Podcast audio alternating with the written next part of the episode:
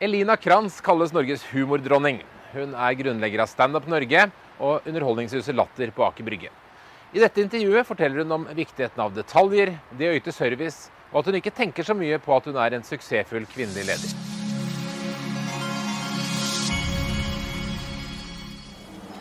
Når var første gang du skjønte at du var en ledertype? Nei, Jeg var ganske engasjert allerede på gymnaset i elevrådet og elevrådsformann og satte i gang forskjellige typer tiltak der. Og eh, russerevy og sånne ting. Så det var kanskje rundt gymnastidene at jeg forsto at eh, jeg syntes det var gøy å skape ting og trekke i tråder og ta litt ansvar. Hvordan kom Standup Norge i gang? Det var litt tilfeldig, egentlig. Det hadde litt med Russerevyen å gjøre, for der eh, var jeg sammen med Dagfinn Lyngbø. Og så gikk det en stund, og så fikk jeg et tilbud av eh, Erik Sande, som eh, hadde Finnegården om å ta over en bar som han drev der. Var, der var det forskjellige typer restauranter og sånt, som han eide, mener jeg. Og der hadde jeg jobbet som vanlig bartender, og så tenkte jeg at ja, det kan jeg jo prøve. Og så gjorde vi om litt på interiøret og hev ut de bluesmusikerne som var der, og så begynte vi med standup. Det var litt veien inn. Og da var standup ganske nytt? I Bergen var det helt nytt, men det var en gjeng i Oslo på Christian Kvart som hadde satt i gang. Eh, så her var det litt grann i Oslo, da. Mm. Hvordan var veien derfra videre? Nei, det gikk litt slag i slag, egentlig. Det ble mer og mer eh, underholdning fordi at det Eh, var noe jeg syntes var veldig gøy, og vi var de eneste som hadde det i Bergen. Og så begynte komikerne å trives ganske greit der, tror jeg. Og så fikk jeg tilbud av komikerne om å begynne å jobbe for dem. Eh, så takket jeg nei til det, for jeg tenkte at det kommer jo selvfølgelig aldri til å gå. og så prøvde jeg egentlig noen andre ting, og så begynte på jussen. Og så fikk jeg en forespørsel til, og så tenkte jeg ja, jeg kan prøve. Så, og så prøvde jeg. Ja. Og så tok du Standup Norge til Oslo? Ja, Da startet jeg Standup Norge og flyttet til Oslo. Så du for deg da at det skulle bli en eh, stor bedrift? Nei, ikke sånn som dette. Nei. Det var egentlig målsetningen kun å eh, overleve og ikke gå konkurs i starten. Det var ganske skrint, egentlig. Det har du klart ganske bra, for nå er det en stor bedrift og lønnsomt og 100 mer eller mindre eller hel- og deltidsansatte. Hva er de viktigste lederlærdommene du har gjort deg på veien? Jeg tror egentlig at jeg har feilet ganske mye på den ledersiden. Men eh, det, det, handler jo om bare ikke gi opp. Og for min del så er jeg en ganske hands on-leder som hele veien har prøvd å jobbe litt hardere, komme litt før, gå litt seinere. Altså være enda mer på ball og løfte de tyngste stolene og ta de kjipeste vaktene og, og lede på den måten. Eh, men uh, ledelse er jo en ganske vanskelig greie, egentlig. Noen blir inspirert av det, andre kanskje ikke. Og, og jeg tror for så vidt at jeg kan være en god leder for gode ansatte som syns og, og som gir det ekstra, og som jeg ser liksom kanskje blir litt inspirert ut av det. Og så så er jeg nok kanskje ikke flink nok til å motivere og prøve liksom å skape et engasjement eh, for de i bunnen. For jeg bruker så mye ut av min, på en måte, mitt engasjement på alle komikerne som, som er på en måte mine sjefer igjen. At hvis jeg skal liksom løpe rundt og eh, prøve å få folk til å gjøre jobben sin som jeg tenker at det burde man gjøre i utgangspunktet, så, så jeg har ikke nok eh, tid og energi til alt sammen, liksom. Du sa du har gjort noe feil. Det, hva, hvilke feil har du lært deg underveis? Nei, altså, Jeg må jo prøve å huske på at jeg ikke kan forvente det jeg ønsker å forvente hele tiden av alle jeg jobber sammen med. Ehm, det er vel kanskje det viktigste, egentlig. Og så ja, sikkert 100 feil, for så vidt. Men, eh, men eh, jeg er nå litt sånn at vi ser helst fremover, ikke så mye bakover. Jeg vet ikke om det er bra eller dårlig, men uh, ja.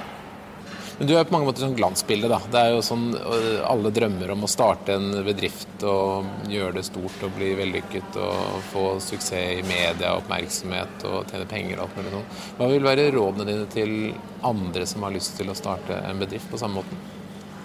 Altså, Jeg elsker jo nyskapning. Jeg syns jo at vi har altfor lite av det i Norge. Og jeg syns at eh, staten i enda større grad burde stimulere til det. Eh, men det er jo eh, en, en tung vei å gå. Jeg tenker du må begynne når du er ung. Bli ferdig med liksom fundamentet før du får familie. For å kombinere det, det, det er vanskelig.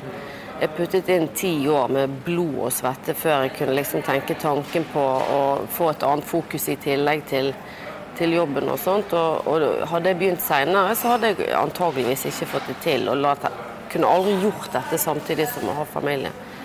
Uh, og så er det det der med at du må være ganske selvdreven. For du får liksom ikke så veldig mye takk eller skryt eller hurra eller uh, Og det er ganske ensomt, ikke sant. Så du må vite det når du starter. Så hvis du er et menneske som blir drevet av tilbakemeldinger og ros og sånt, så ville jeg tenkt meg litt om, egentlig. For dette får du for så vidt ikke så veldig mye av. Du har tvert imot fått en del kjeft og litt kritikk fra komikere og misunnelse litt hvert. Må, må man være litt hardhudet for å drive sånn? Eh, nei, men du blir det.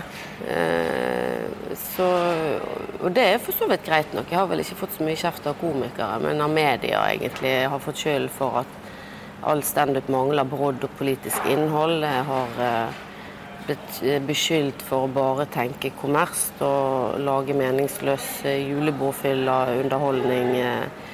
Det har liksom vært en ganske sånn lang, lang liste egentlig til, over ting de mener jeg gjorde galt. Det var, én en liten runde i Aftenposten der jeg fikk juling. Jeg hadde for mye makt, jeg hadde for ditt og datt. Men, og, og det syns jeg var helt forferdelig.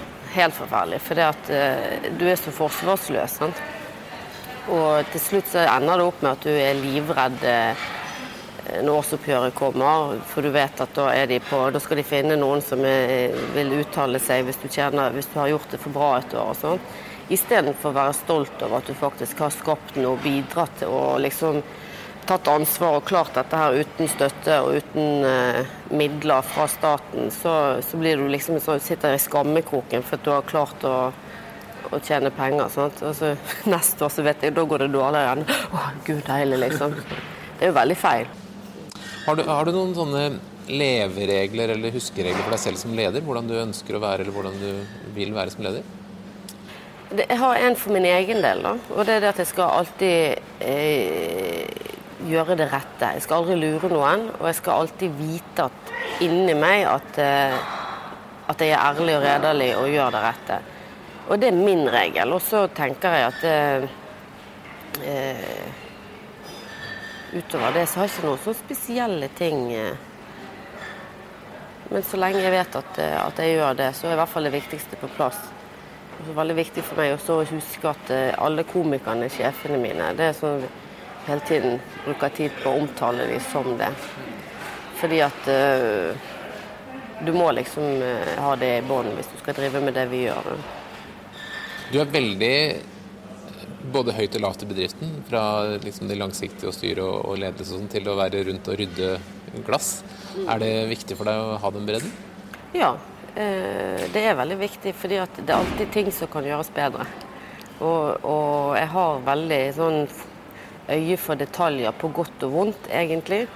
Uh, og jeg vet jo at veldig mange sikkert tenker å herregud, skal man bry seg om det og noe? Men, men, det er alle de detaljene når alle tar tak i sine ting. og liksom, det, det, det, er de som pusher oss videre på at det liksom skal være bra her. Det skal se fint ut her. Det skal ikke være slitt her. Det skal liksom det skal gå extra mile på service og på uh, kundepleie i forhold til både restaurantgjester og eventer som vi har veldig mye ut av her. Og, og det, er en, det er en viktig bit, egentlig når jeg kommer inn og begynner med tingene mine, så ser jo folk at ok, det er viktig for henne, og så kanskje de tar litt etter og prøver det samme. Så jeg har vært på nok kulturhus rundt omkring i Norge på turneer og sånt. Det, det ser jo ikke ut. Tror du det er mye av hemmeligheten bak suksessen din, at du er rundt og gjør alle de tingene? Ja, samtidig som eh, det er nok eh,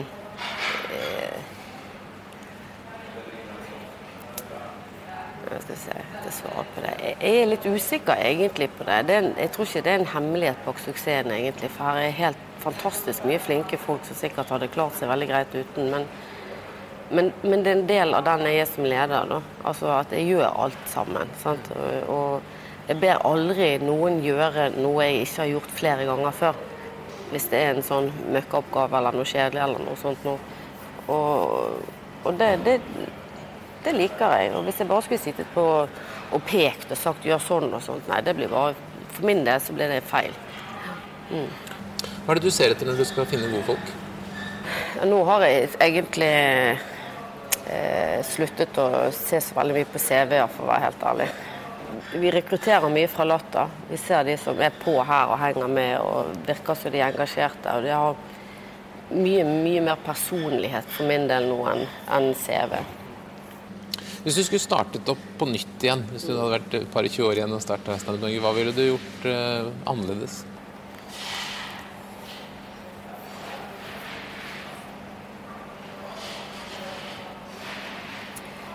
Nei, altså eh, Jeg ville ikke gjort så veldig mye annerledes, egentlig.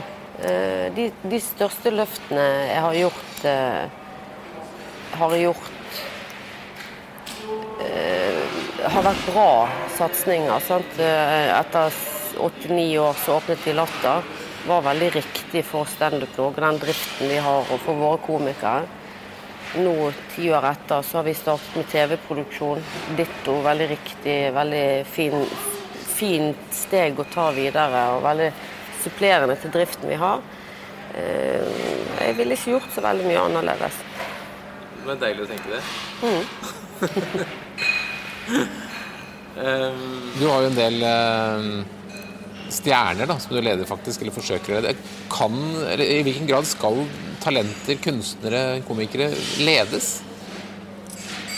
Eh, du skal lede de for det vil de, og de trenger det. Og eh, du er kanskje en av de få som er tør å være ærlig med dem, eller eh, på en måte sier det man, andre tør kanskje ikke si det, altså sånne ting. Sånn. Men det er klart at de er helt avhengige av at uh, noen forteller de uh, ting og tang. Uh, men du skal gjøre det på en litt fornuftig og forsiktig måte òg. For de er jo på en måte stjernen, og de er drivkraften, og det er deres karriere. Så, så, vi rundt vi er mer på en måte rådgivere. Og hvis det kommer en og sier eh, du sånn og sånn har fått sånn og sånn tilbud, hva syns du om det? Så er min jobb å si alt som kan gå galt, på en måte som ikke ødelegger alt. Men bare liksom jo, men sånn eller sånn eller sånn. Og så når du kommer tilbake, eh, liksom, tilbake og bestemt deg etter alle de rundene du prater om ting og tang, og du fremdeles vil gjøre det, så har du i hvert fall luftet alle stenene. Og så kan du si etterpå var kanskje ikke det lureste, men det var i hvert fall gjennomtenkt. Og da var det en bevisst handling til at du sa ja til det. Og så, sånne diskusjoner har vi hele tiden og hatt det i alle år, og det er kjempespennende.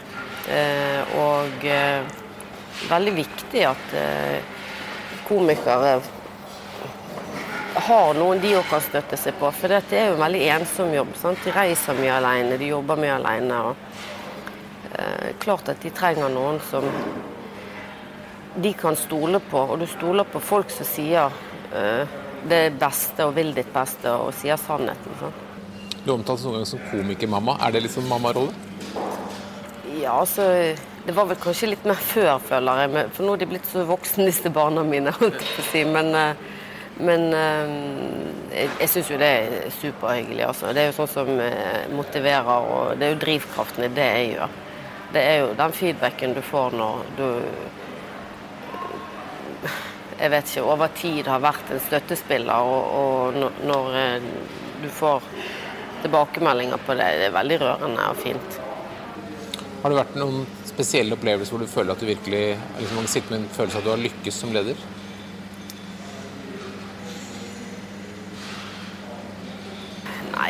jeg, jeg, kommer ikke på noe. Jeg tenker ikke så veldig mye over dette med leder, ikke leder, uh, suksess, ikke suksess og sånt noe. Noen ganger så spør folk Gud, du må jo tenke over det du har klart å skape og sånt. Men jeg gjør egentlig ikke det. Jeg går på jobb jeg gjør, gjør mitt aller beste, og så, og så går jeg hjem. Det er liksom uh, Jeg tror ikke du skal dvele så mye med ting og tenke så mye gjennom. For det første så er det fare for at du kan bli litt selvgod, tenker jeg. Og for det andre, hvis du skal henge dem opp i alt mulig hele tiden dette her, å, du, du, har jo vært kvinne og alt dette. Jeg har aldri tenkt over at jeg har vært kvinne. Jeg har bare gått på jobb igjen. sant? Akkurat eh, helt uinteressant hvilket kjønn du har. Så sånne, Jeg får en del sånne forespørsler om å snakke i sånne kvinnefora og sånt. og det, det, har- lite å komme med. Hvis du på en måte må ha en samling for å diskutere at du er kvinne som leder, så er du på en måte et steg tilbake igjen. Det er bare å gønne på å ikke oppføre seg som en annerledes type enn en mannlig leder, tenker jeg. Men det er kanskje lett for meg å si. men... eh,